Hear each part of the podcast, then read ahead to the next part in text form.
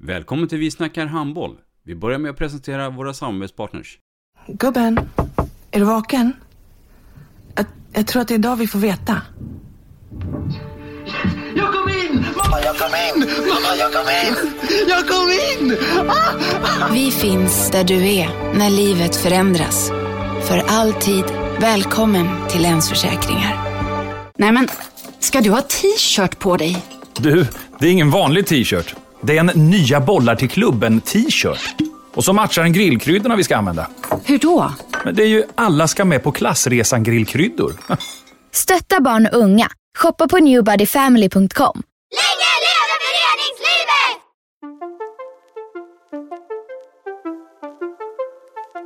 Välkommen säger vi till dig som lyssnar till den bästa handbollspodden. Vi snackar handboll med Robban Z och gäster. Vi snackar handboll, där du får veta alla sanningar som du inte visste att du missat. Vi snackar handboll. Idag i programmet Vi snackar handboll, matte, så har vi en gäst som jag skulle vilja säga är en av Sveriges genom tiderna bästa playmaker, spelfördelare. Håller du med om det? Ja, och som kanske inte håller till så väldigt, väldigt mycket inom svensk handboll just idag, just i nuläget. Men vi är ju väldigt, väldigt glada och tacksamma för att vi har fått hit Magnus Andersson från Portugal hit och du är varmt välkommen hit Magnus. Tack så mycket, tack. Per Magnus Andersson, född 17 maj 1966 i Linköping. Vem är det? Ta oss nu från början. Och då menar jag från början. Ja, det, från början, ja men du fick ju med mycket. Jag är född i Linköping och eh, eh, kommer från en, eh, en rätt så handbolls eller sporttokig familj ska jag säga. Jag har en storebror, eh, fem år äldre än mig. Eh, föräldrar som har backat upp i all form av eh, idrott. Eh, har spelat fotboll, spelat handboll, hållit på med gymnastik.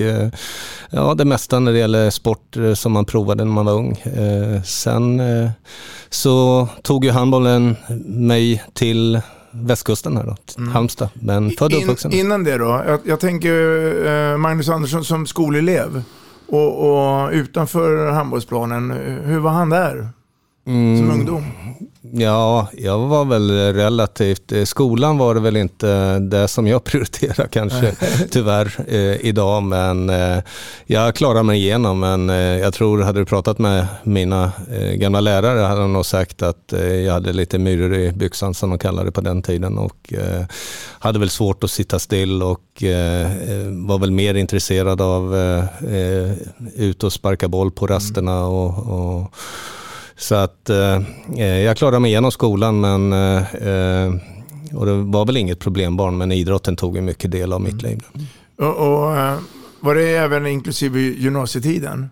Ja, nej, men där hade, man väl, där hade man väl lugnat ner sig på, på det sättet att man eh, kunde sitta still lite mer och eh, idrotten eh, hade ju tagit över då i, i, den tiden så det var ju mycket fokus på den. Mm. Var det naturligt då att du skulle hamna i någon form av lagsport? Eller var du också en stark individ? Eh, nej, det, både och tror jag, men eh, i, i, det var nog rätt så. Det fanns två vägar, det var antingen fotboll eller handbollen. Och I mitt fall så var jag väl egentligen mer lovande i fotboll. Mm. Eh, detta på eh, 70-talet eh, då var ju handbollen eh, de stora öststatsländerna och då skulle man vara väldigt stor och jag har alltid varit den där lille, eh, framförallt när det gäller på handbollsplan. Så att eh, på något sätt så var det väl fotbollen som det mesta fokuset låg på ända fram till det blev för allvarligt och både handbollen, eller framförallt fotbollen då som jag var väldigt framgångsrik i, började slå ihop två lag, Derby och eh, Saab som mm. blev LFF och eh, det blev som en liten elitsatsning 15-16 år. Eh, två väldigt duktiga lag skulle slås ihop och även om jag var eh, kanske eh, framgångsrik och bra i, i, laget så blev det ju helt plötsligt att eh, du var tvungen att vara på varje träning för att kunna spela matchen till helgen. Och, Och jag ville ju vara med på handbollen också så det blev ett, eh, ett val till slut och eh, i, i detta är, blev det handbollen mm. som eh, var lättare för mig. Och, och pappa och mamma då, hängde de med Alltid. Precis som vilken förälder som helst. Absolut. Och de har ju... Var man curlad på den tiden? Eh, ja, inte curlad på det sättet, men eh, jag har haft två föräldrar som, och fortfarande idag, som följer mig och mitt eh, mitt handbollande. Eh, eh, mamma och pappa idag bor i Linköping och sitter och, och följer mina matcher från Porto, eh, eller från eh, Portugal och eh, jag har alltid upplevt ett enormt stöd hemifrån. Även min bror som har varit intresserad och åkt med på matcher och jag, jag tror inte min mamma och pappa missade många ungdomsmatcher i, i, när jag var, men bara som supporter på läktaren och framförallt också eh, skjutsade och följde med på allting.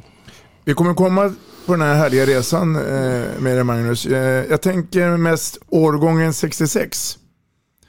Mm. Den är inte så eh, pjåkig i Linköping. Nej, eh, vi var ju väldigt framgångsrika med eh, RP då. Mm. RP är ju för alla som, ja, min generation idag är det väl fortfarande en, en eh, fin ungdomsklubb men eh, vi var ju väldigt framgångsrika på, de, mm, på både tjej och killnivå. Mm.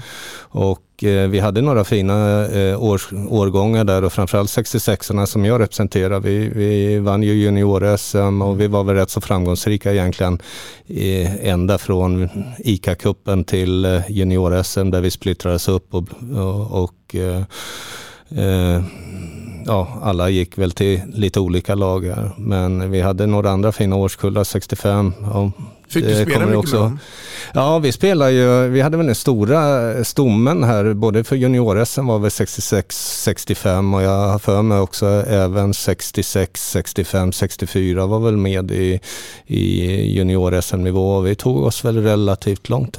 Är du 65 Jag är 65 65 Så att ja. vi tampas många ja, år där. Mm. Ehm, jag spelade ju Tyresö på ja. den tiden. Så det var väl RP Tyresö, kroppskultur, Cliff, Varta, Lugi. Lugi. Mm var ju stora mm. klubbar på den, med de årgångarna. Mm. Du kör Andersson och Cardell ett eget program här och det, ni får fortsätta. Det, ja, det, det. Minnena, minnena kommer tillbaka. Är, är det så när, när du tänker nu, när du rabblar upp det här att, att det känns ändå att det var många, många år sedan? Eller känner du ändå att du har koll på läget? Nej, det har jag absolut inte koll på läget. Jag är lite som, puh, ja. men eh, framförallt sådana här saker, det kommer jag ihåg eh, vilka, men sen med namn och allt sånt här. Eh, jag har väldigt bra kontakt med Thomas Svensson, eh, mm. målvakten, och han eh, talar alltid om, kommer du ihåg när vi spelade 77 i handikapp och ni vann med 11-9 och du sköt uppe där och eh, grejer. Det är sådana saker kommer inte jag ihåg, men Eh, det är ju en fantastisk tid som att komma ihåg också. Det här är ju någonting som jag alltid bär med mig och vänskapen och här kommer vi så många år efter och träffar Matte som vi har haft våra duster och spelat ihop. Och, mm. det är ju en enormt rolig tid och här kan man ju se handbollen är ju också en fantastisk sport och personligheter som du kan träffa folk 30-40 år efter och det, det, är vanliga människor. Mm. Tjena tjena efter 40 år. det är roligt. Ja. Magnus, du ska få uh, en hälsning här. Mm. Och uh, som förmodligen kommer få dig att bli lite berörd. Okay. Jag blev i alla fall det, så lyssna här nu. Tjena Mangan! Hoppas allt är bra. Jag tror att jag har rätt så bra koll på dig faktiskt. Du hade en idé om att du skulle bli plåtslagare tror jag. Du gick på Junkan några år där. Men jag tror att det var lite för tungt för dig. Du var nog mer intresserad av handbollen och runt omkring det. Det var nog efter att du hade spelat två eh, JSM där, 84, så tror jag ni kom tvåa. Och 85 där så vann ni med, med 66 ihop med, med Roffan Larsson som tränare. Jag fick chansen att träna det en säsong. Det var i Saab. Det måste ha varit eh, 86-87 när vi gick upp. Sen drog du till brott. Ja, det tror jag du gjorde rätt i.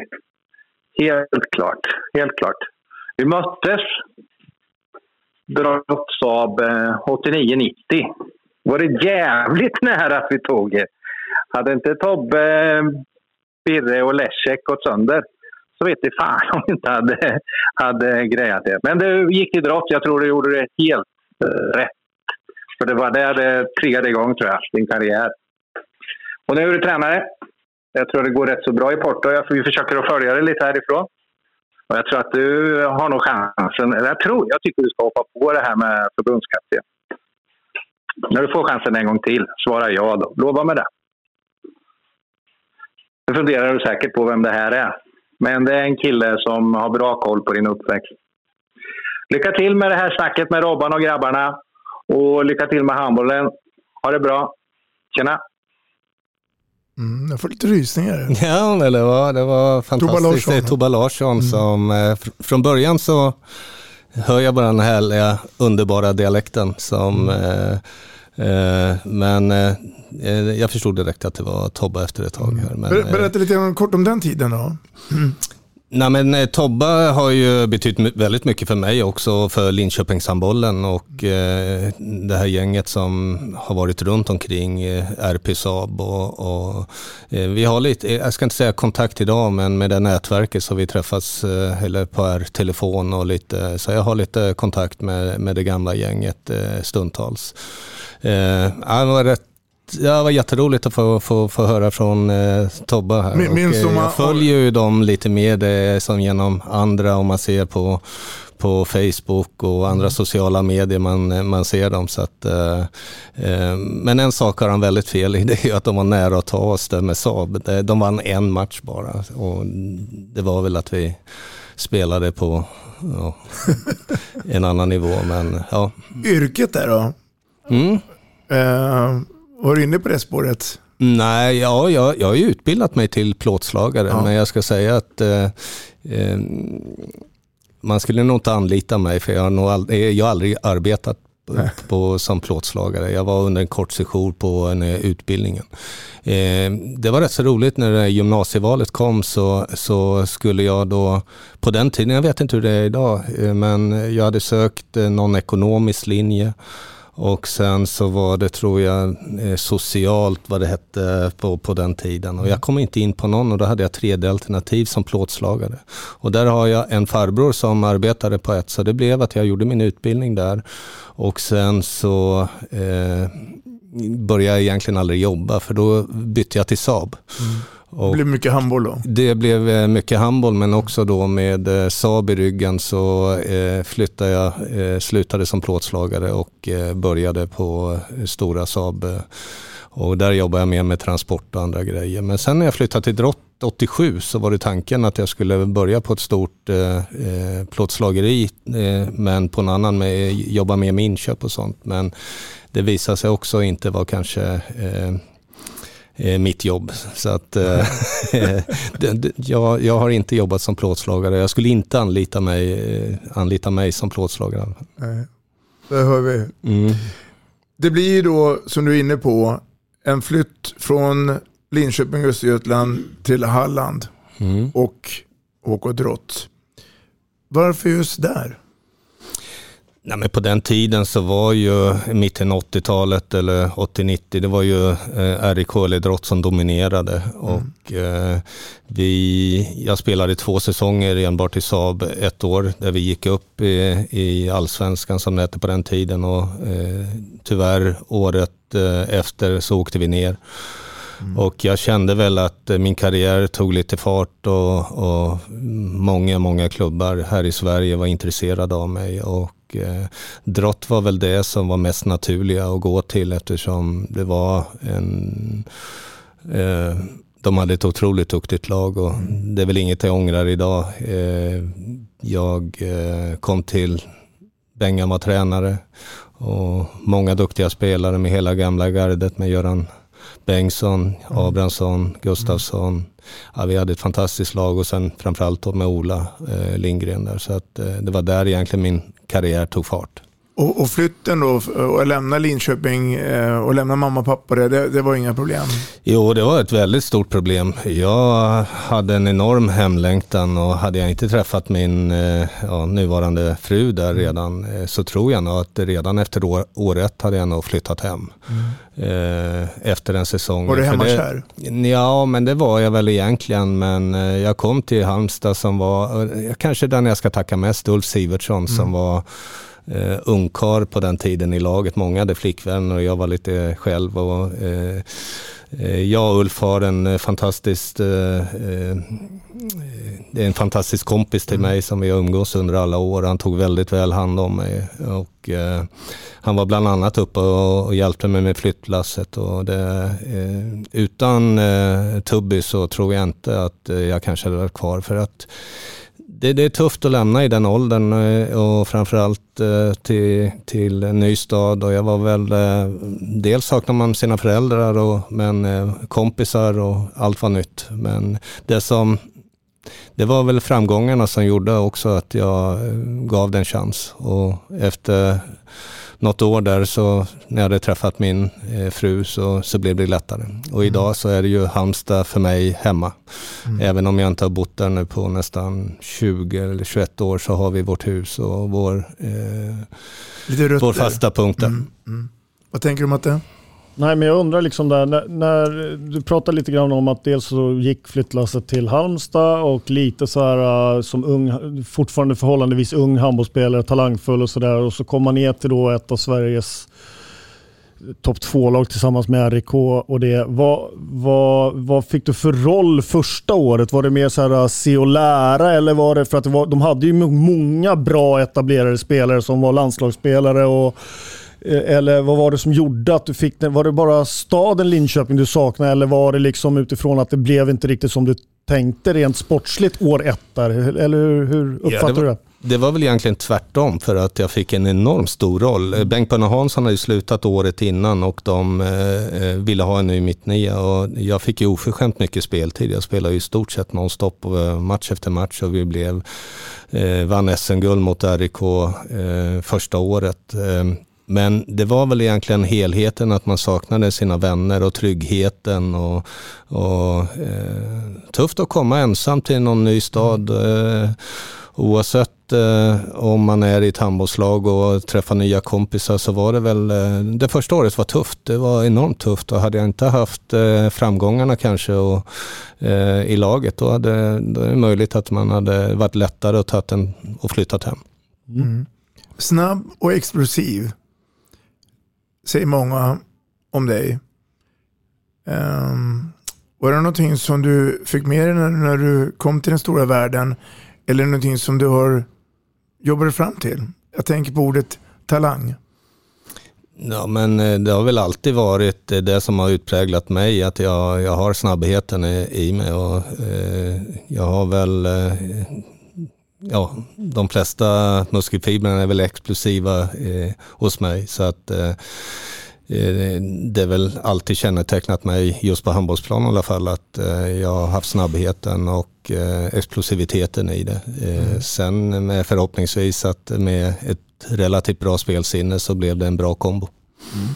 När du kom ner då till Halmstad och Drotto, blev, blev upplägg av träningen annorlunda? Alltså, var det hårdare i gymmet eller var det tuffare i skogen att springa? Eller vad var den stora skillnaden rent träningsmässigt?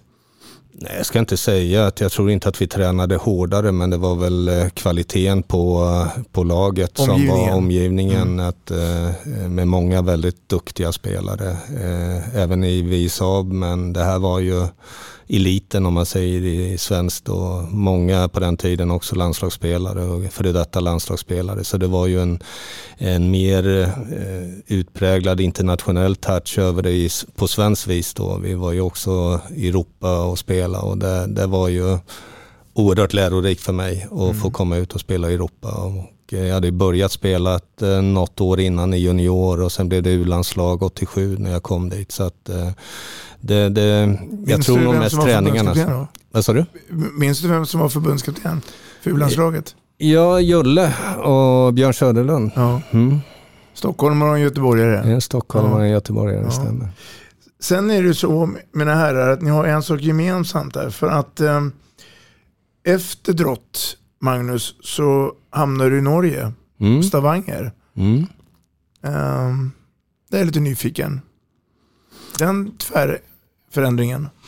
Ja, nu efteråt kan jag inte förstå vad jag tänkte på, men eh, det är ingenting som jag vill ångra. Men eh, vi fick barn väldigt tidigt, jag och min fru Ulrika. Eh, och eh, vi kände väl att vi, vi fick inte riktigt ihop vardagen när arbete, handboll, kom med i landslaget, mycket resor. Och eh, med de här eh, framgångarna som både för mig och landslag och i Europa så, så kom väldigt mycket anbud eh, till mig. Och eh, vi kände väl att eh, vi valde den säkra vägen. Det kom, eh, Claes Helgen var tränare i, i Stavanger och en väldigt god vän till mig som jag eh, har tampats med många år, Robert Edin, eh, var i Stavanger. Och eh, barn samma ålder. Eh, så att det var rätt så lätt att ta ett, ett beslut bara för det sociala. Eh, sen var Stavanger en bra lag men eh, det var ju många som höjde på ögonbrynen att det var ett nedköp istället för ett uppköp. Men, mm. Och det kanske var riktigt. Jag eh, tackade nej till eh, eh, Eh, många storlag i Europa, eh, framförallt Spanien. Men vi var lite nervösa för eh, med barn och, och allting och man har hört att lönerna kanske inte kom och det var allt sånt här. Så att det var mer lätt för oss att, att dra till Stavanger men den vart inte heller så lång den sessionen eftersom Stavanger hade också stora ekonomiska problem efter ett år men de visade att de ville ha mig och de köpte ut mig för enormt mycket pengar från ett kontrakt. Så att, mm. Eh, det var en fantastisk tid eh, för familjen och eh, ett äventyr då, vårt första. Minns du den tiden Matte? När, han var i Stavanger? Ja. ja. det minns jag. Jag minns den tiden och jag minns också att han var där med Robert Redin och att Claes Helgen var tränare. Det gör jag. Jag följde väl inte norsk handboll sådär på den tiden. Sen har jag varit själv i Stavanger och varit tränare där så att man har ju fått lära sig om historiken med att efter den där sessionen som Magnus pratar om nu och några år sedan så kom ju Blombeck dit och tog med sig några andra svenska spelare dit och de gjorde framgångar i, i, i Europa och, och sådana saker. Så att eh, det... Men jag kommer ihåg att, de, att han har varit där och med, med Robban och, och, och Claes som tränare. Absolut. Mm. Sen Magnus, så ska vi börja lära oss lite tyska. Mm. För nu händer det lite grann här, både det ena och det andra. Du hamnar i Tyskland. Ja, eh, men för att förstå det riktigt så hade jag ett kontrakt med eh, Stavanger ytterligare en säsong. Men eh, vi var iväg, jag tror det var någon så här eh, framåt midsommar i juni med landslaget. Vi hade något mästerskap och då får jag ett samtal ifrån Stavanger där de säger att eh, ni måste hitta en ny klubb. Vi har inte pengar till att betala er nästa lön. Och eh, då i samma veva så hade vi förstått redan att eh, ekonomin var på väg att braka loss. De hade inte betalt eh, hyra för hus och, som vi bodde i.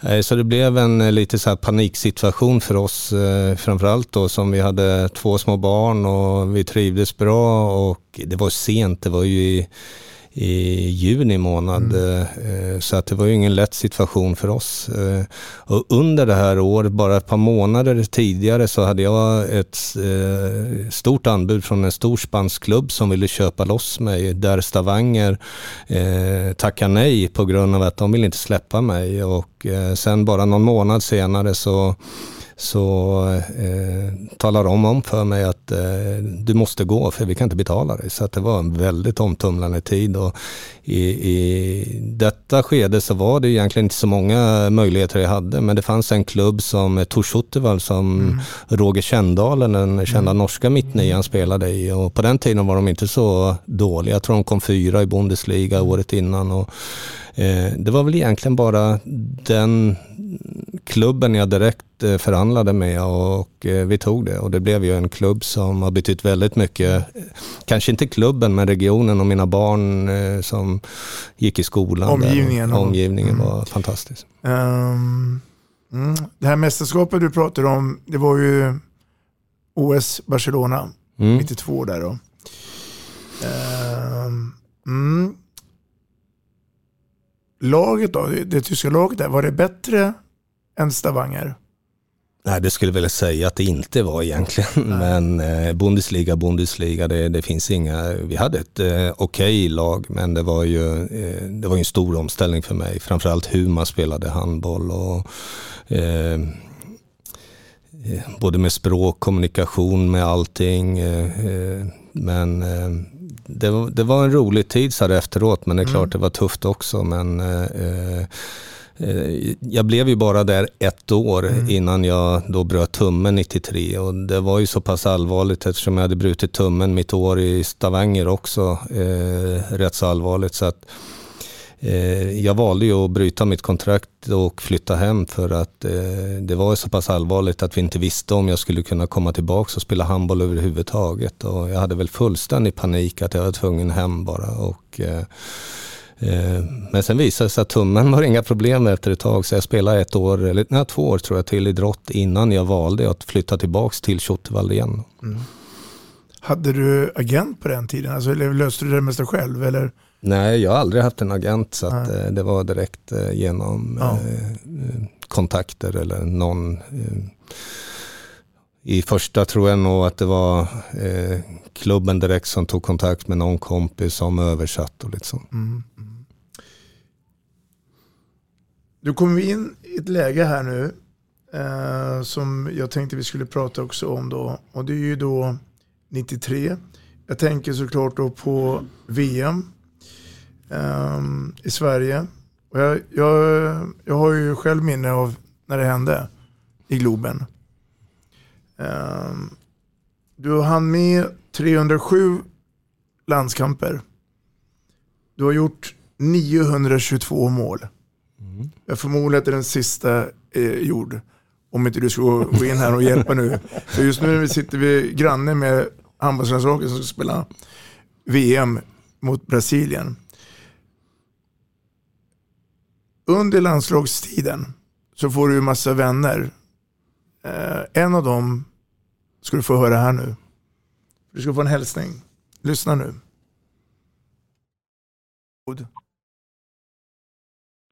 Hej Magnus! Eh, hoppas allt är bra med dig. Här kommer en hälsning från din eh, andra hemstad, får vi säga, i Sverige. I Halmstad, där vi vill att du kommer tillbaka så småningom.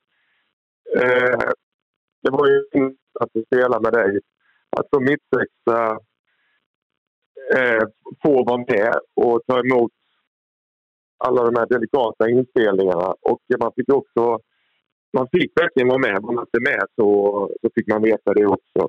Eh, du var ju en humörspelare får man säga. Alltså, när du spelar på din högsta nivå så flög du fram och du, det är få spelare som kanske det vi ser nu lurar målvakter på, på sex meters skott med flippar. Det kunde du göra på nio meter med eh, lite lutning åt ena hållet och en flipp upp i krysset i andra, på andra hållet. Samtidigt var du ju en spelare när det gick emot dig och så fick jag veta det lite grann också. Men, men det gjorde väl oss, andra lite bättre också. Eh, många minnen såklart, många häftiga matcher.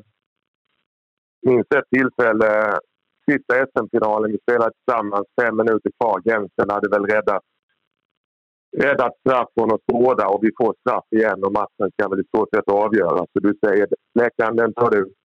Jag säger den tar du.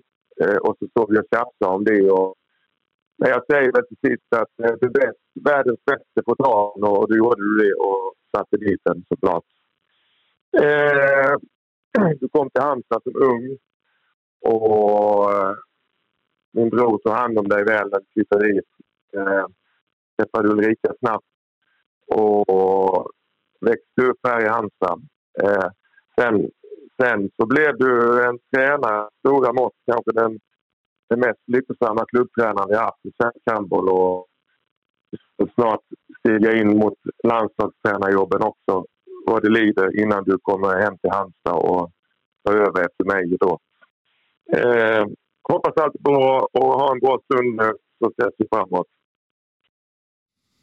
Mm. Vi nämnde ju tidigare Ulf Sivertsson. Det här var ju lillebror. Lillebror ja. Ja. det är rätt så roligt. Vi träffades här, jag var ute och gick och gick förbi han och då såg jag han stod i trädgården här för emellan jul och nyår när jag var hemma i Halmstad. Här. Så då var jag tvungen att gå in. Han stod och, det var dagen innan nyår förresten, Mm. han stod och städade terrassen. Så att, eh, ja, Era det- relationer då? Vår relation är väldigt bra. Det är inte som så att vi, eh, som Tubby, vi, vi pratas vid eh, mycket i telefon. Och, Men det är en väldigt, väldigt god vän till mig och fortfarande både familjemässigt med Kiki och, och dem. Men, eh, vi har haft många, många fina stunder ihop och en fantastisk eh, pojk. Mm, jag förstår det. Det roliga här det var ju att eh, han gav Magnus cred för hans framgångar. För hade inte Magnus varit där och gjort alla de här inspelen så kanske ingen som hade sett honom hade blivit vad han blev. Ja, men Thomas var ju där, han debuterade ju otroligt sent till landslaget Ja. också. Jag, jag kommer inte ihåg nu vilken ålder han hade, men när jag kom till eh, Drott så var ju Tubby eh, satt på bänken i, i, i Drott, spelade inte så mycket. Och Thomas var ju då i HBP som var då i division 2-laget och där spelade ju Thomas mestadels på 9 meter. Han är ju lite omskolad då till en linjespringare. Men det är ju en stabil pjäs och han har ju ett spelförståelse. Så att vi, eh, vi har haft ett fantastiskt eh, samarbete tillsammans, eh, jag och Thomas. Vi kunde varandra utan och innan. Vi hade tecken och bara tittade räckte. Så att det var, det var som en dröm för mig också att ha honom. Men, eh, på den tiden eh, en av de första som riktigt så här höll sina spärrar och stod stilla på det. Så att eh, vi har många fina stunder ihop. Mm. Det som är kul här, som jag tänker på lite grann med drott framförallt, och det, det, det är, och det är kanske till skillnad från Magnus eh, och hans karriär, så är det så att jag tycker i och för sig jäkligt många bra handbollsspelare överlag, men att de har fått fram otroligt mycket bra försvarsspelare från drott alltså.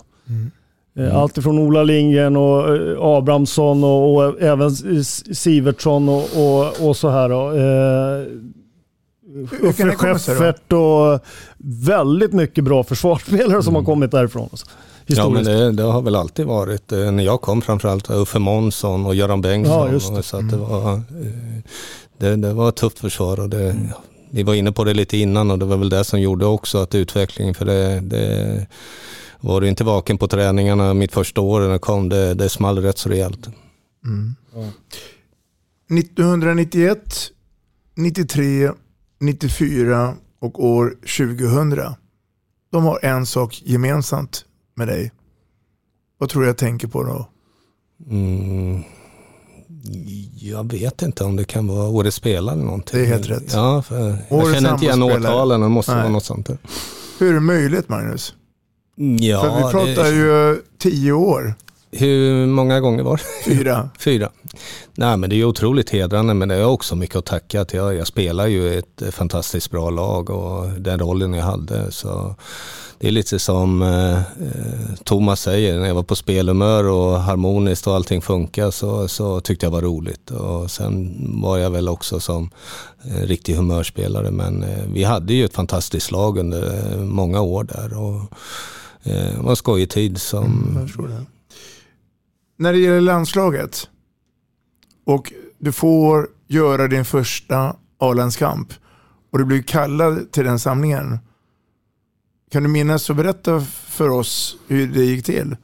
Det vet inte Nej, jag. jag, jag kommer faktiskt inte ihåg riktigt. Det var ju då 88 i december. Vi var rätt så många som debuterade där och det var ju Bengan hade tagit över och där hade ju varit då eh, OS i Seoul. Mm. Och det var väl lite en generation som skulle eh, sluta lite. Och, Och sen, lämna över till en, annan. Ja, men det var lite och sen var det ju en, en träningsturnering i Norge som, eh, eh, som det brukar på den tiden. Att eh, lite debutanter, eh, man ger lite spelare eh, en chans att visa upp sig. Och jag var väl en av dem. Och Bengan kände ju Eh, han visste ju vem jag var och, eh, från drottiden och jag var ju rätt så framgångsrik i den tiden med också med U-landslaget. Eh, Jag, Pierre Thorsson bland annat. Och vi hade ett bra lag i, i ungdoms-VM också. Så att, det var väl egentligen en relativt naturlig eh, att jag fick debutera men det var en otrolig konkurrens där med, framförallt i den tiden när jag kom, Wislander var ju på den tiden mitt nia.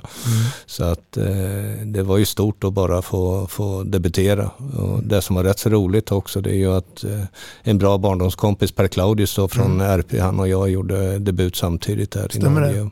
Ja, så det var rätt så skojigt. Vi satt och skrattade i halvlek kommer jag ihåg. Vi har inte spelat en sekund och sen kommer Kari Holmgren in och ska byta svettband på alla spelare. Och vi, du vet när man inte får börja skratta. Jag och Claudius hade suttit där, vi var i snustorra då och sen kommer kommer eh, Carrie och ska byta svettband eh, på oss och vi tittar väl på varandra och sen får vi sånt här, eh, ja, när man inte verkligen ska skratta och vi kunde inte sluta. Och det är väl något som vi fortfarande idag kan ha rätt så roligt om. Ja. Um, en fantastisk karriär med landslaget. Mm. Um, och många upplevelser, mycket resor har blivit med det hela. Jag tänker mig tillbaka till klubbverksamheten där och så är det så då att um, du hamnar tillbaka igen i Drott 98 till 03, alltså 2003. Mm. Efter att du har varit bland annat i Minden. Ja. Kan du berätta lite om den tiden? Ja men alltså, eh, vi hade väl bestämt oss att flytta hem. Så med eh, min fru och med barnen så hade vi väl alltid en väldigt hemlängtan. Vi trivdes bra i Tyskland och vi hade fantastiskt eh, på grund av att eh, vi fick mycket tid för varandra och jag kunde vara med som en del eh, med barnen och lämna och hämta och vara delaktig i alla aktiviteter i Tyskland. Men eh, det fanns alltid en oro eh, till att vara utomlands. Vi ville alltid hem. Både, båda Även två. på den tiden? Även på den tiden. Ja.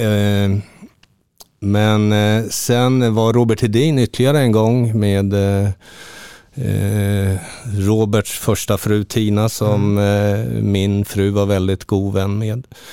Eh, som bodde och spelade i Minden. Och Minden kom ett bud som jag kunde inte tacka nej till och vi sa då att eh, vi tar ett år för att innan vi flyttar hem. För jag var ju sugen att spela men ändå hade jag hemlängtan. Jag var inte så jättesugen att komma hem och spela i elitserien men jag längtade hem och då blev det en kompromiss mellan familjen att vi tog ett år i Minden. Men det är väl egentligen en tid jag förträngt och det är väl också en tid som jag skulle kunna varit utan också. Eh, förutom att eh, familjemässigt med eh, familjen Edin och vi hade det väldigt trevligt men eh, det var, ingen, det var inget roligt år. Mm. under den här tiden så har jag haft väldigt många anbud från stora klubbar. som, men ja, jag vet inte, jag fick ut mitt ja, landslaget. Mm. Jag var inte något behov av att spela i storklubbarna. Och... Det, var ingen, det var ingen feghet av dig eller du kände att Nej, absolut inte någon feghet, men eh, det passade aldrig riktigt där med familjer och barnen gick i skolan och de trivdes bra i Tyskland där och sen kommer något och då, hela tiden det här, för under de här passåren som du pratat om så är det mycket flytt. Mm. Det är från Halmstad till Norge, ett år precis som anpassar sig på dagis till Tyskland, en flytt hem igen till Sverige, blir det två år tillbaks till Tyskland, nya platser i Tyskland. Och vi kände en enorm skuld eh, emot våra barn att vi, eh, de gick i skolan. Att eh, nu får det vara nog. Nu får det, måste vi ge dem en chans till att, att ha en fast punkt. Mm. Så att det var nog av den anledningen. Mm. Hur gamla var de när, när ni flyttade hem? Var det 98 eh, sa du De gick årskurs 3 och 2 i Tyskland så att det var ju 98 där. Mm. Så att, eh, nu börjar man i skolan lite tidigare där men eh, de, det är normalt sett två år emellan men det skiljer bara ett år i skolan. Mm. Så att eh, de började i årskurs 4 och 2 tror jag när vi kom hem i svensk skola. Mm. mm. Nu väljer du ett annat spår. Du väljer att bli tränare. Mm. Och den är ju också lång. Den har blivit lång. Ja. Den kanske inte är slut ännu. Drott, Köpenhamn, Hästö, numera HF Karlskrona, HK Malmö, Guppingen, Porto, där du är idag. Mm, du glömde nog någonting däremellan tror jag. Eh, du får hjälpa mig. Efter eh, FC Köpenhamn var i Österrike ett år. Just det. Eh, och det var väl VM här 2010. Ja, men, men då, då, Okej, okay, det är rätt. Ja. För, för, då är du ju förbundskapten. Mm. Det är rätt. Mm. Och sen efter det så blev det då AG Köpenhamn som blev eh, konkurs. Och sen blev det tre månader höst och sen Malmö och sen, på, sen eh, Göppingen och sen nu Porto. Då. Men när du tog beslutet att bli tränare då så utgår jag från att du gick ju lite parallellt lite utbildningar och det. Nej. Eller hamnade du rakt in i fällan? Jag hamnade rakt in i fällan och det har aldrig varit min ambition. Jag, när vi flyttade hem eh, 98 så startade jag arbeta på ett företag som heter Helens Rör, en eh, grossist inom eh, eh, ja, VVS? Ja, stål kan Ja, man säga ja. eh, och rörbranschen är som och jag trivdes otroligt bra. Eh, men eh, när då jag fick en chans 2001 att avsluta min karriär egentligen i Ademar Leon i Spanien. Och där spelade jag tre månader. Och eh, vi blev spanska mästare och eh, jag hade en stor roll i det och eh, blev sugen igen på handbollen. Eh, och eh, sen då när Drott eh, började ju bli lite, på, inte dekis, men vi blev lite ekonomiskt eh, eh, inte var där som vi var. Så fick eh, jag förfrågan att bli, jag var ju spelare hade kontrakt, men med spelande tränare. Och eh, jag, eh, efter mycket, mycket funderande så valde jag att säga upp mig från mitt arbete och eh, sedan dess så är jag ju faktiskt bara handbollstränare. Mm. Så att nu är det väl, eh, vad är det, ja, 21-22 år som jag bara eh, varit handbollstränare. Mm. Kan du hitta saker som du tog med dig i varje stycke då när du varit i Köpenhamn och i Karlskrona och Malmö? Eller är det helt nya saker i ditt ledarskap som gäller idag? Eh, nej, det är det väl absolut inte. Jag tror först i eh, grund och botten så har man väl en, en, eh, en värdegrund i, eh, som människa eller hur du är uppfostrad. Och, eh, I mitt fall så tror jag väldigt mycket Bengt Johansson som har fostrat mig. Jag har haft väldigt många duktiga tränare, Ulf Scheffert och även i min ungdomstid i, från RP och Tobba som vi hörde innan i Saab. Alla har ju någonting eh, med sig som eh, har betytt väldigt mycket för mig. Eh, även eh, en del tränare utomlands som kanske där jag har eh, tänkt att så ska jag inte bli. Eh, Men det är klart att jag började som spelande tränare och jag tror de första åren så var jag nog mer betydelsefull för laget som spelare än för tränare. Men eh, all form av ledarskap tycker jag handlar också om att eh, man får tid att lära sig. Eh, jag ska inte säga att jag är samma människa idag som när jag började. Jag har haft en fantastisk resa, fått, eh, haft eh, otroligt många duktiga lag och duktiga spelare eh, som du lär av hela tiden. Eh, och jag tror att i grund och botten så är det viktigt att eh, den värdegrunden du har, där får det, det är de värderingarna som kommer ut och hur du är i, som ledare. Men jag tror man lär sig också väldigt mycket under eh, tid eh, och eh, framförallt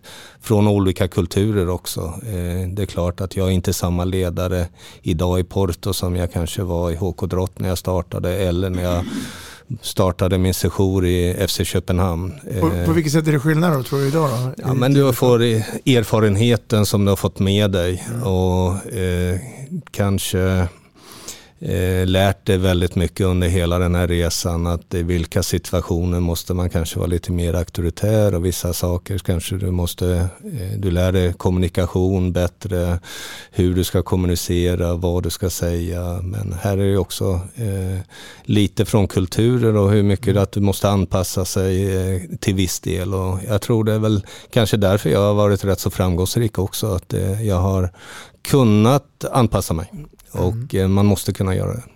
För går du bara in och kör ditt eget race och kommer eh, och så här spelar vi, så här gör vi, det här är mitt. eh, Då, då kanske det inte blir så långvarig i vissa klubbar och vissa länder.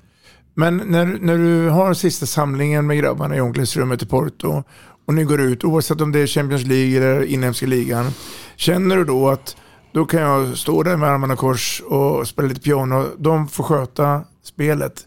Eller, eller vill du gå in och peta i massa detaljer? Såklart du kanske måste göra det eh, när det går lite halvdåligt, men annars så, alltså, är du en sån som gärna vill lämna över ansvaret? till individen och laget? Absolut, Eh, jag tror ju på, på detta men eh, så fungerar det ju inte riktigt. Det är lite beroende på vart man är och vad man har för, för, för spelare. Men vi, jag tror som alla tränare, oavsett om det är Porto eller om det är ett division 2-lag så har man ju någon form av en bas, en, en, en grund och man har en gameplan hur man ska göra men sen förändras ju allting. Jag ska inte säga att jag är den som står varken med armarna eller är den som är inne och petar den och, eh, från situation och hur man har det. Jag har eh, haft eh, oerhört förmån mina år här i Porto till att ha två extremt duktiga eh, playmakers. Mm. Som både otroligt kreativa men också duktiga. Det, och det underlättar ju som tränare att man kan lämna över ett del ansvar. Men i andra lag som man kanske inte har haft den typen av playmaker eller den, då får man ju kanske eh, bete sig på ett annat sätt och, och agera på ett annat sätt också. Allt från eh, taktiska till, eh, till in och mer peta eller försöka beskriva. Vad tänker du? Matte? Nej, men det är väl mycket i ledarskapet eh, överlag så handlar det väl lite grann om det. Alltså det, det, det är dumt att vara inne det, det är dumt som tränare och ledare. Man måste ju ha en liten känsla, en fingertoppskänsla för när laget behöver ens hjälp som, som ledare och tränare utifrån det som, som man har jobbat och trott på. Trott på sådär. Jag menar, det, det är dumt att gå in och peta i någonting som mer eller mindre fungerar som ett självspelande piano. Eh, då kan man ju nästan stå med armarna i kors för att det löser sig själv på, något mycket, på mycket. Men det handlar ju liksom om att kanske i perioder där, där det går lite mer emot, där, där lagets eh, lagets käns- självkänsla eller individernas självkänsla i laget, att den börjar svikta, att man liksom håller ner, att gå tillbaka till grunder och, och, och liksom kan Alltså det handlar ju om fingertoppskänsla i ledarskapet där. Eh, hålla på att gå in och bestämma och, och styra över allting när det, ändå, när det funkar. Liksom. Då, det behöver man inte göra. Utan där, det är ju när de behöver hjälp, det är då man ska hjälpa till. Liksom. När man läser av det som tränare. Den handbollen som du utförde och när du blev eh, bland annat eh, årets spelare. Skulle den handbollen funka idag? Eller är det mycket som har hänt? Ja, det är enormt mycket som har hänt på handbollen. Eh, jag tror ju ändå väldigt mycket det vi gjorde. eh, När man ser tillbaka så, så är det många saker som man kan använda sig av eh, även idag. Men det som handbollen idag går ju så mycket fortare. Eh, Man ska fatta beslut eh, på mikrosekund. Eh, Vi hade kanske en halv sekund på oss. Eh, Fysiken är så mycket bättre. Det är många saker. Det jag tycker som kanske det kan vara små taktiska detaljer. Där vi var fantastiska men det var ju också som vi hade ett lag med många duktiga kreativa saker. Eh, eh, kreativa spelare Spelare. som, eh, som eh, kunde ta ett stort ansvar. Men det går inte att jämföra. Jag såg någon match, det var rätt så roligt när vi som kom upp och eh, när vi i HK Drott, jag kommer inte ihåg om det är början av 90-talet, vi mötte Barcelona där Ola gör ett jätteviktigt mål där han springer nästan segergest hem. Idag så det, eh, det går så fort att eh, du hinner inte tänka. Du, du, och spelet, allting har utvecklats till det positiva skulle jag säga. Apropå ingenting då, men du, du har ju några medspelare som också gjort liknande karriär som dig, att bli tränare. Bollar du ibland saker med exempelvis Ola eller Staffan eller? Absolut. Ja. Eh, jag har förmånen att ha ett enormt eh, bra nätverk. Eh, eh, Staffan är väl den som, min närmaste kompis som pratar otroligt mycket. Och det känns skönt att man har ett, en, en, ett bollplank om man eh, allt från små lösningar kanske att man har funderingar till någon som förstår en själv och eh, förstår eh, spelet, hur det, hur det funkar. Men det är väl under alla år som jag har skapat med det här nätverket och det är även eh, folk från Tyskland eller andra kompisar som man har. Så att eh, det är jag väldigt glad för. Om vi hakar på Tobas hälsning så kommer vi in på ett ämne som berör dig i högsta grad. Och vi ser ju på din CV att det var ju förbundskaptensjobb en säsong med Österrike. Mm. Ehm, Är det ett mål att du vi kanske avsluta ledarkarriären, att vara som förbundskapten? Och i så fall, hur, hur, hur, tänker vi här? Ska det ske i så fall på svensk mark? Eller vill du vara ute i den stora världen? Är det viktigt för dig? Eller är det roligare att jobba med klubbverksamheten och vecka in vecka ut står man där vid tränarbänken? Mm, eh, 2010 så eh, hade jag den förmånen att kunna eh, ta ett år sabbatsår och ta Österrike för att jag hade mina klara vad jag skulle göra 2011 att jag skulle till AG Köpenhamn. Och Eh, då kunde jag ta det. Men jag kände väl redan det året 2010 att eh, det här var alldeles för långtråkigt för mig. Eh, jag var mitt inne i min tränarkarriär och jag saknade att stå på golvet och långt ifrån all verksamhet. Idag om du ställer den frågan så tror jag nog mer att eh, jag skulle kunna tänka mig att bli förbundskapten. Eh, och eh, jag ska inte säga, för det låter som att man avslutar en karriär, att det är då ungefär. Men mm. Eh, idag skulle jag nog kunna tänka mig om det allt känns riktigt Rätt. och bra. Mm. Eh, och sen om det är i Sverige eller utomlands, eh, det, det, har ju att göra lite på vad ambitioner tillsammans med och förbund eller vad det är. Men, framförallt din familj? Ja, familj också. Men eh, som förbundskapten eh, så tror jag och inbillar mig nu att man har lite mer tid eh, för familj och för sig själv än eh, man har som klubbtränare. Framförallt om du är som i mitt fall nu för Porto där det är Champions League och vi spelar två matcher i veckan. Det är, det är slitsamt men det är också fantastiskt roligt. Och, men eh, det är ingenting som jag går och tänker eller drömmer om. Mm. Jag drömmer kanske skulle jag säga att eh, någon gång i framtiden så hade det varit roligt att, att vara förbundskapten också. Och, och, i första hand då på herrsidan eller skulle du kunna tänka dig jobba på damsidan? Eh, jag skulle nog, i första fall när jag ställer frågan så är det nog herrsidan för jag kan för lite om damhandboll. Mm. Jag, eh, jag har ingen erfarenhet från den eh, delen. Så mm. att, eh, så att jag, jag känner mig att jag är en som, jag ser otroligt mycket internationell handboll och de här mästerskapen, kanske inte ett VM här, det, det, är den sista veckan som intresserar mig. Mm. Gruppspelsmatcherna är väl inte lika eh, roliga att se eh, som när det drar ihop sig. Ett EM är ju fantastiskt. Eh, mm. Champions League när det drar ihop sig och gruppspelsmatcher också. Så att, eh, den fasen gillar jag ju enormt mycket, internationell handboll. Men från damhandbollen så har jag inte erfarenheten för att jag har inte tiden att följa med. Mm. Och eh, men eh, det kan väl inte skilja så mycket, jag vet inte. För dig skulle det nog inte skilja så mycket. Jag tror att det, eh, Hur ser din överenskommelse ut med Porto här då? Hur länge tänker du?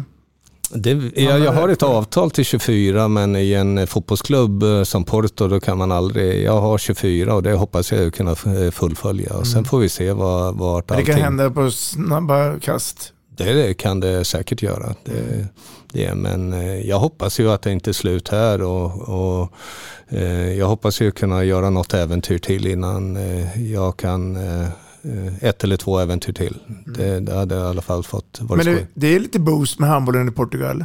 Ja det är det absolut. Sett. Det är det. Det har varit eh, fantastiska år sedan jag kom 2018. Så det är väl det man känner lite just nu, att eh, det har gått fort för portugiserna. Sen jag kom, det är många av mina spelare här som har upplevt eh, mer på de här fem åren än kanske många har gjort det från att eh, spelat IOF Final Four i Kiel till eh, spela Champions League nu i två, tre år. Spela både ett OS, EM och VM från att eh, inte varit med överhuvudtaget. Så att, eh, det, handbollen är eh, på framfart i Portugal men det är ändå dock tre klubbar och det är tre fotbollsklubbar som står bakom de här tre projekten och det är eh, FC Porto, Benfica och Sporting. Eh, men, det är de tre som gäller? Det är de tre mm. som... Och, och socialt då? Då trivs du där nere? Ja, jag har ett fantastiskt liv. En eh, Porto som stad. Eh, det är en fantastisk stad och en klubb som är en fotbollsklubb. Mm. Samtidigt otroligt frustrerande att vara på men eh, samtidigt så är vi realistiska att utan deras muskler och så hade vi inte existerat heller. Så att, eh, men det är en fotbollsklubb. Mm. Mm. Apropå ingenting, det är dags för en hälsning igen. Här ska du få höra en, en vän till dig. Mm. Hej Magnus, det här är Claes Hellgren som är så otroligt glad att jag både fick uppleva det som spelare, att ha dig som spelare var helt magiskt. Eh, när du kom till Stavanger den gången då jag var tränare så, så inte bara det att hela spelet blev så otroligt bra därför att du är ju faktiskt den bästa som har funnits med att styra upp spelet. Men också för hur bra du gjorde de andra spelarna. Och, eh, det kom tusen åskådare mer i, Stavanger bara för att titta på Magic, som, man, som du kallades där. Att vi sen har känt varandra under otroligt lång tid och att jag har fått kommentera den bästa spelaren som playmaker som Sverige har haft eh, är ju otroligt kul.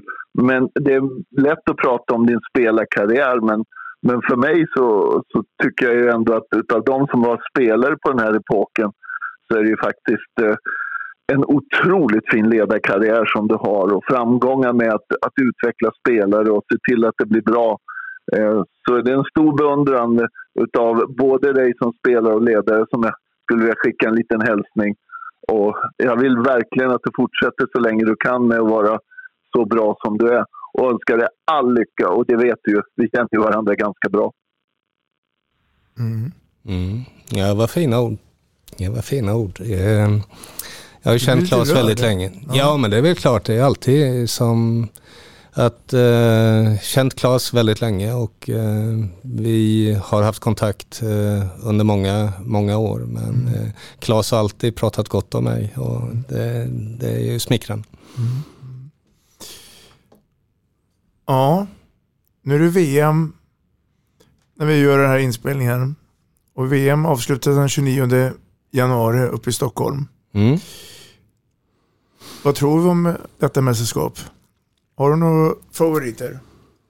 Ja, men favoriter tror jag som alla andra. Jag tycker Sverige har ett fantastiskt bra lag. Eh, sen eh, kanske inte de vill höra att de vill vara favoriter. de har kanske inte heller problem med det. Men jag tycker ju att Sverige är ett av dem, om de får till allting, eh, som har goda chanser. De eh, har ett, eh, en otrolig bredd. Eh, Danmark också på samma sätt.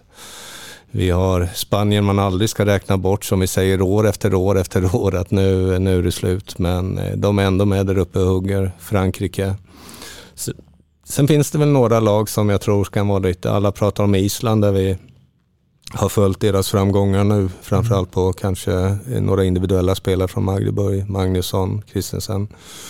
Men eh, de ska bli också intressanta att följa. Nu med Sanders comeback i Norge, kan mm. de vara med och ta någon Serbien. Ja, det är svårt men jag tycker Sverige, Danmark, eh, det är två eh, medaljkandidater som eh, Det är en nation du inte nämner, men det är en nation som du har spelat proffs i. Och jag är lika förvånad varenda gång. Varför lyckas inte Tyskland? Nej, men jag tycker ju inte att de har... Tyskland kan också, om de får till allting, för de mm. har ju en kunskap, men eh, där har man ju också sett att eh, de har ju stort problem också att det är många spelare som tackar nej just nu eh, som skulle kanske varit där om, om de hade velat. Eh, men eh, eh, Kan det vara så att eh, utvecklingen stoppas lite grann av de inhemska tyskarna när det kommer så mycket utländska spelare in i ligan? Ja, eller tvärtom också att de utvecklas. Det tror jag nog eh, att de gör. Men eh, jag tror den här påfrestningen för folk som inte, jag såg nu var både Alfred ute och jag förstår honom som att, eller förbundskapten att det är tråkigt att spelare tackar nej.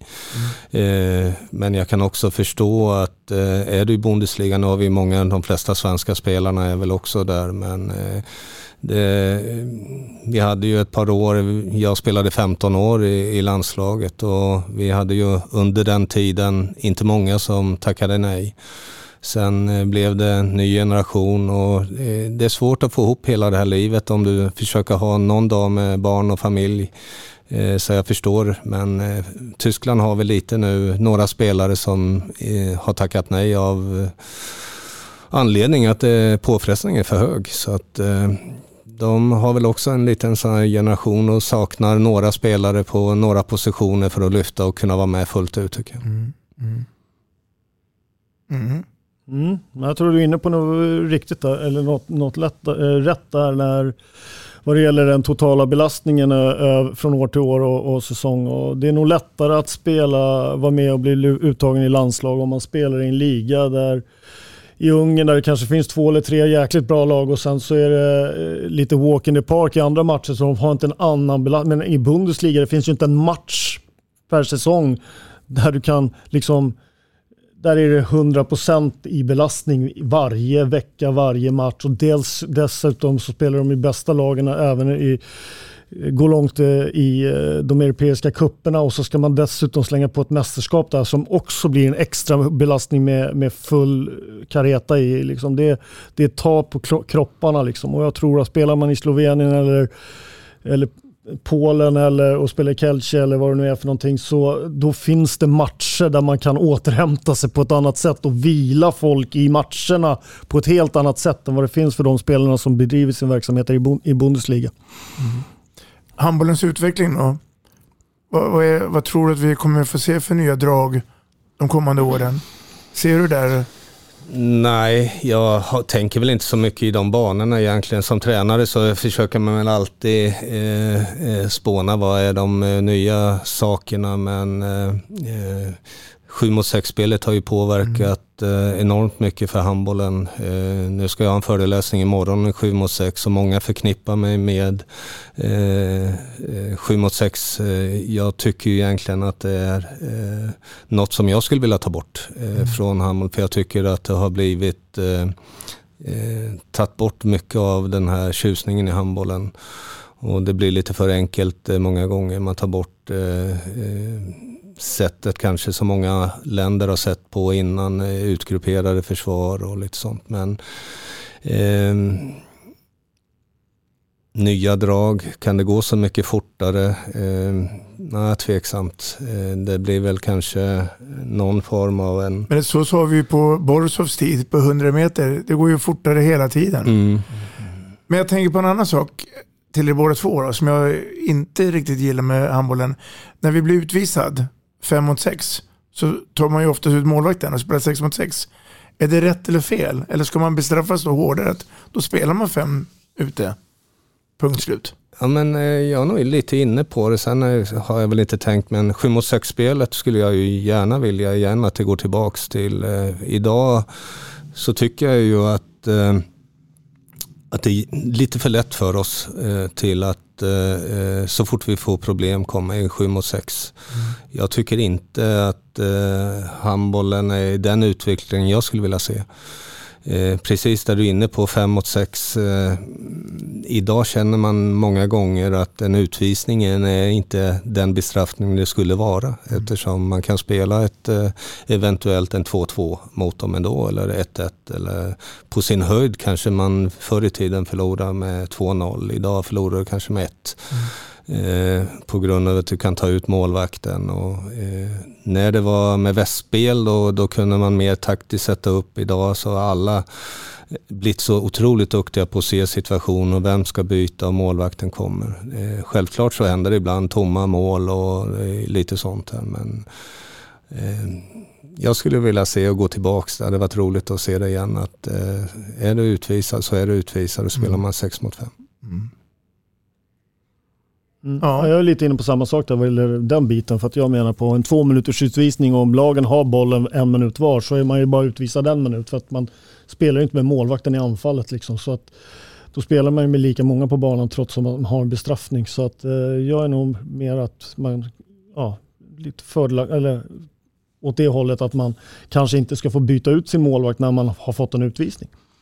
Eh, 7 mot 6, det kan man diskutera. Jag tycker precis som Magnus att det kanske inte främjar eh, våran sport. Det tar bort många utvecklingsmöjligheter med offensiva försvar och ut, utgrupperade försvar där direkt där det blir sådana saker så spelar man 7 mot 6 och så backar försvaret ner.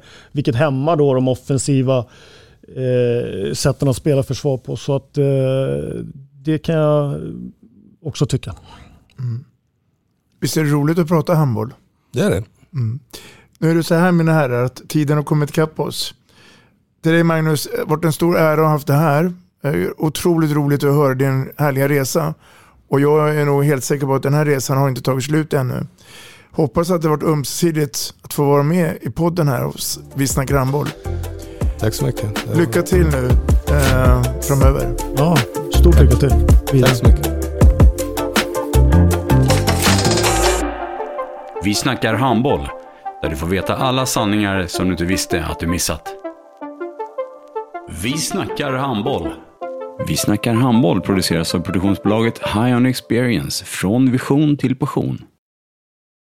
Ett avslutande tack till våra samarbetspartners. Hallå! Kommer ni eller? Ja, ja. Har du sett mina ankelsockar? De här? Nej, nej, jag menar skridskoslip till juniorlaget Ankelsockarna. Ja, men kolla bredvid träningsläger med handbollstjejerna-t-shirtarna. Stötta barn och unga.